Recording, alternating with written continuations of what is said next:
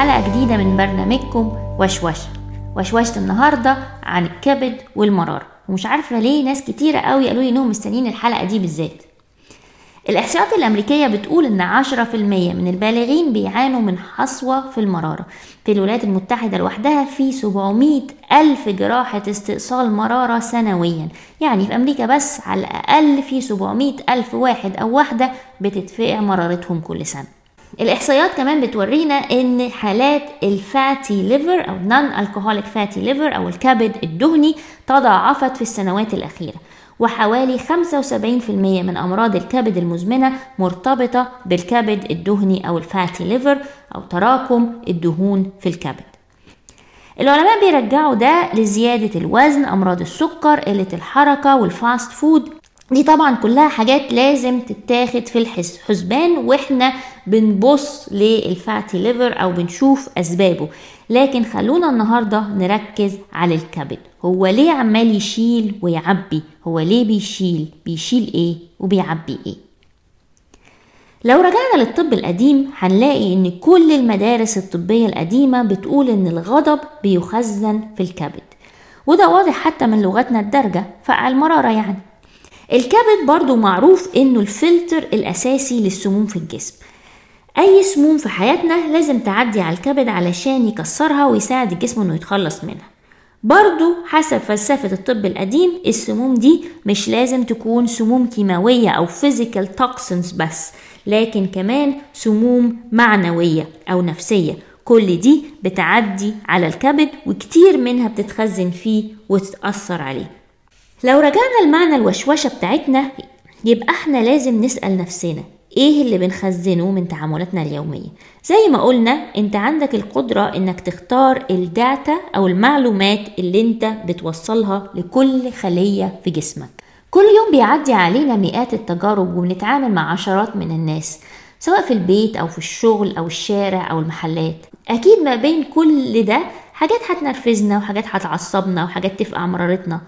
لكن إحنا بإيدنا إن إحنا نختار. بإيدنا نختار إيه اللي إحنا هنمتصه جوانا ونخليه يأثر على كل خلية في جسمنا وبإيدنا نختار إن كنا هنخزن سموم وهموم ولا هنتعلم منها ونشكر الظروف اللي حطتها في طريقنا. وبعدين نتخطاها ونكمل حياتنا. زي ما بقول كل مرة أنا عارفة إن الكلام سهل. كتير من الناس وأنا واحدة منهم على فكرة بنلاقي إن تغيير الأكل نوعيته وكميته رغم صعوبته لكن هو أسهل بكتير من تغيير عادات وطباع وطرق تعامل مع الناس ومع الظروف. طباع وعادات كبرنا عليها وبقت جزء مننا ومكتسبة فينا. إعادة برمجة عقلنا تاني إنه يعدي وينسى ويسامح ويفوت ويكبر دماغه زي ما بنقول في مصر. حاجة صعبة مش سهلة أبدا. لكن نرجع نقول التكرار يعلم الشطار. وإن كان التمن صحتك أو صحتك وحيويتك وحيويتك يبقى يستاهل المجهود.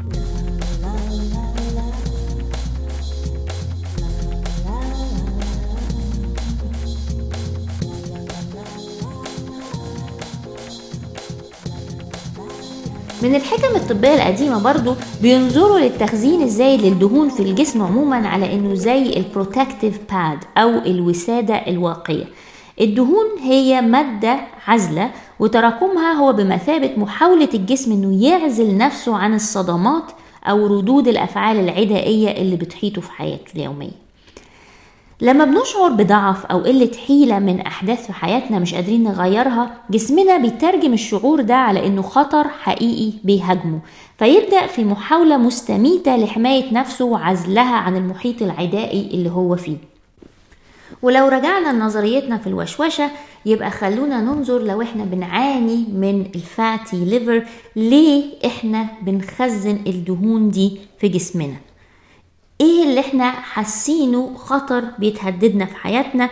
وإيه اللي إحنا بنحاول نح... بنحاول نحمي نفسنا منه؟ الكبد برضو حسب نظرية الطب القديم جزء من مركز الطاقة الثالث وهو مركز القوة والسلطة والثقة بالنفس والقدرة على التحكم في ظروف الحياة ومدى براعتنا في إن إحنا نسيطر أو نهيمن على أو نتأقلم مع ظروف حياتنا وتحدياتها.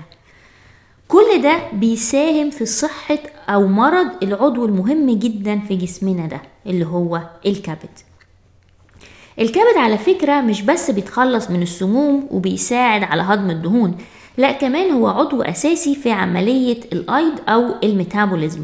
هو له دور في تظبيط سكر الدم تصنيع هرمونات وال neurotransmitters وإنتاج الطاقة ولما بيتأثر أو بتقل فاعليته بنشعر بتعب مع أي مجهود بيتأثر الهضم بيتأثر المزاج بيتأثر الهرمونات وطبعا بيتأثر الوزن.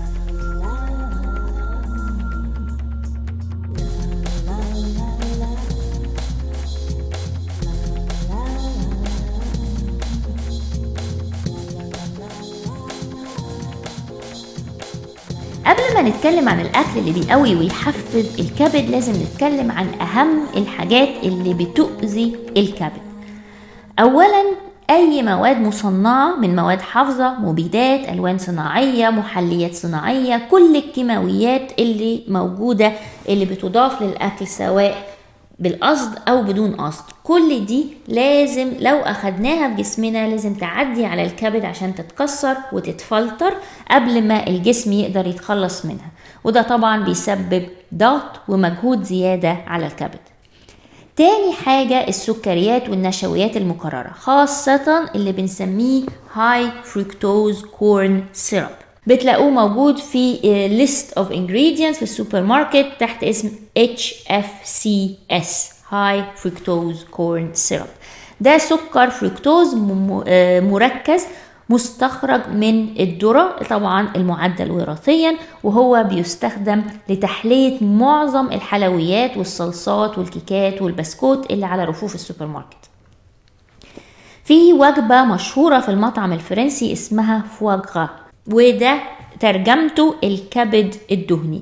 ودي عبارة عن كبد الوز وعلشان يعملوا الطبق ده لازم الوز بيغذى على ذرة فترة قبل ما يذبحوه وده بيضمن إن الكبد بتاعه بيبقى دهني وشهي بالنسبة للمطبخ الفرنسي. وده بالظبط اللي إحنا بنعمله في الكبد بتاعنا لما بناكل أكل في شراب الذرة ده اللي هو محتواه عالي من الفركتوز كل النشويات والسكريات المكررة بتخزن في الكبد على شكل دهون مش بس ال high fructose corn syrup فكل ما إحنا بيبقى عندنا سكريات زيادة ونش... ونشويات زيادة في الجسم فبيخزنها على هيئة دهون في الجسم وعلى هيئة دهون في الكبد.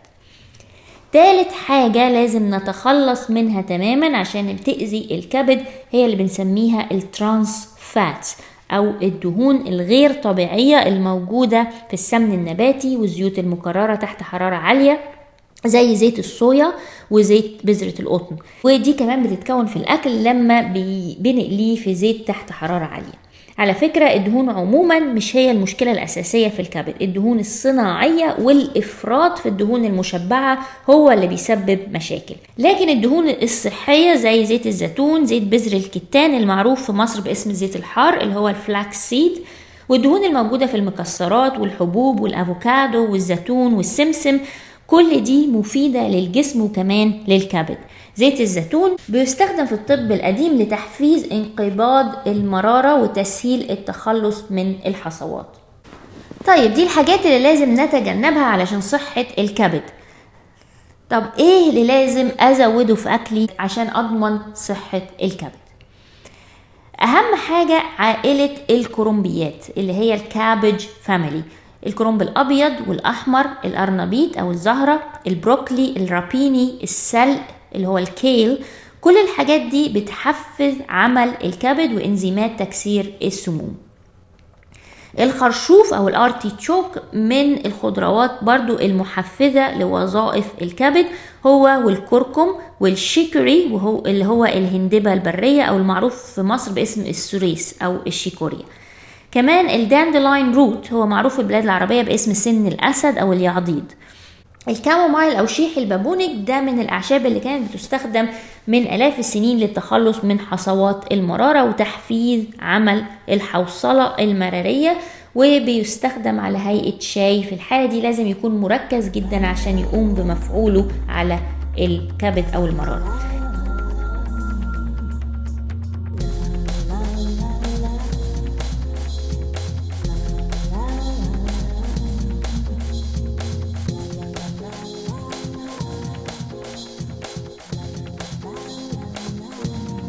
حاجة مهمة تانية عاوزة أتكلم عليها وإحنا بنتكلم النهاردة عن الكبد وهي الطعم أو المذاق بتاع الأكل.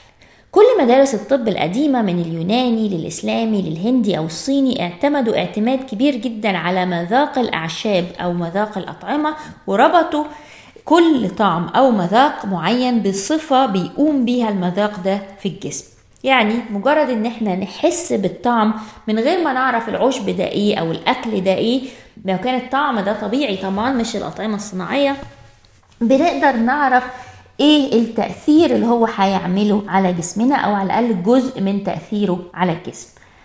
الطعم الحلو في الأكل اللي هو sweet taste ده مرتبط المفعول بتاعه بالغذاء يعني بيعطي الغذاء للجسم بيساعد على البناء. بيعطي برضو إحساس بالدفء وفي معظم الحالات هو مرطب للأعضاء الداخلية.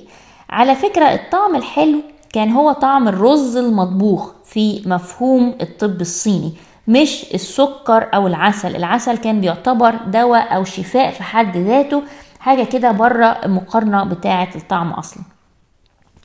الطعم الحامض أو المز بالمصري ال sour taste ده مبرد أو ملطف للجسم وفي نفس الوقت بيجفف الرطوبة الزايدة في الجسم زي استخدام البرتقال أو الليمون في في نزلات البرد ده بيقلل حرارة الجسم أو بيبرد الحرارة العالية للجسم وبيساعد على التخلص من الإفرازات الزايدة.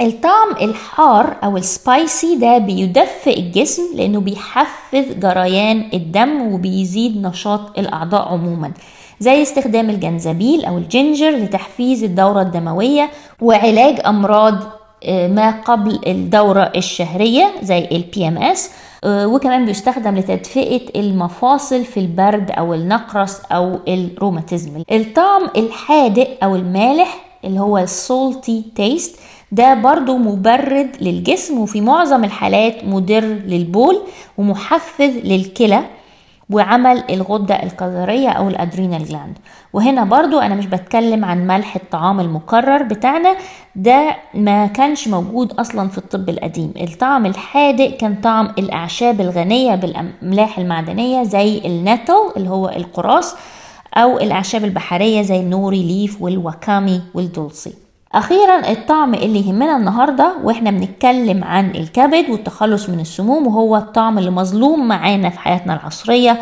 الطعم المر أو ال bitter taste. ده كان أهم طعم في الأنظمة الطبية القديمة كلها بالإجماع. وهو طعم اللي بنلاقيه في الأوراق الخضراء الغامقة وخضروات زي الكرنب البروكلي وال rapini وأعشاب زي الكركم وال dandelion وال burdock.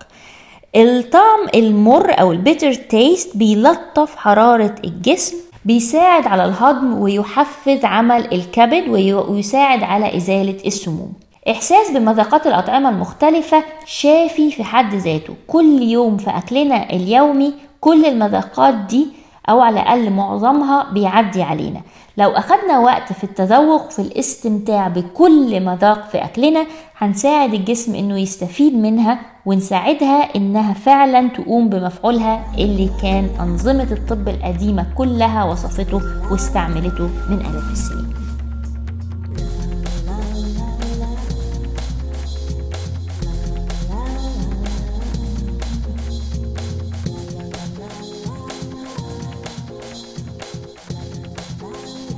قبل ما أسيبكم النهارده خلونا نراجع مع بعض اللي هنعمله الأسبوع ده. أول حاجة هنتخلص من السموم اللي في حياتنا.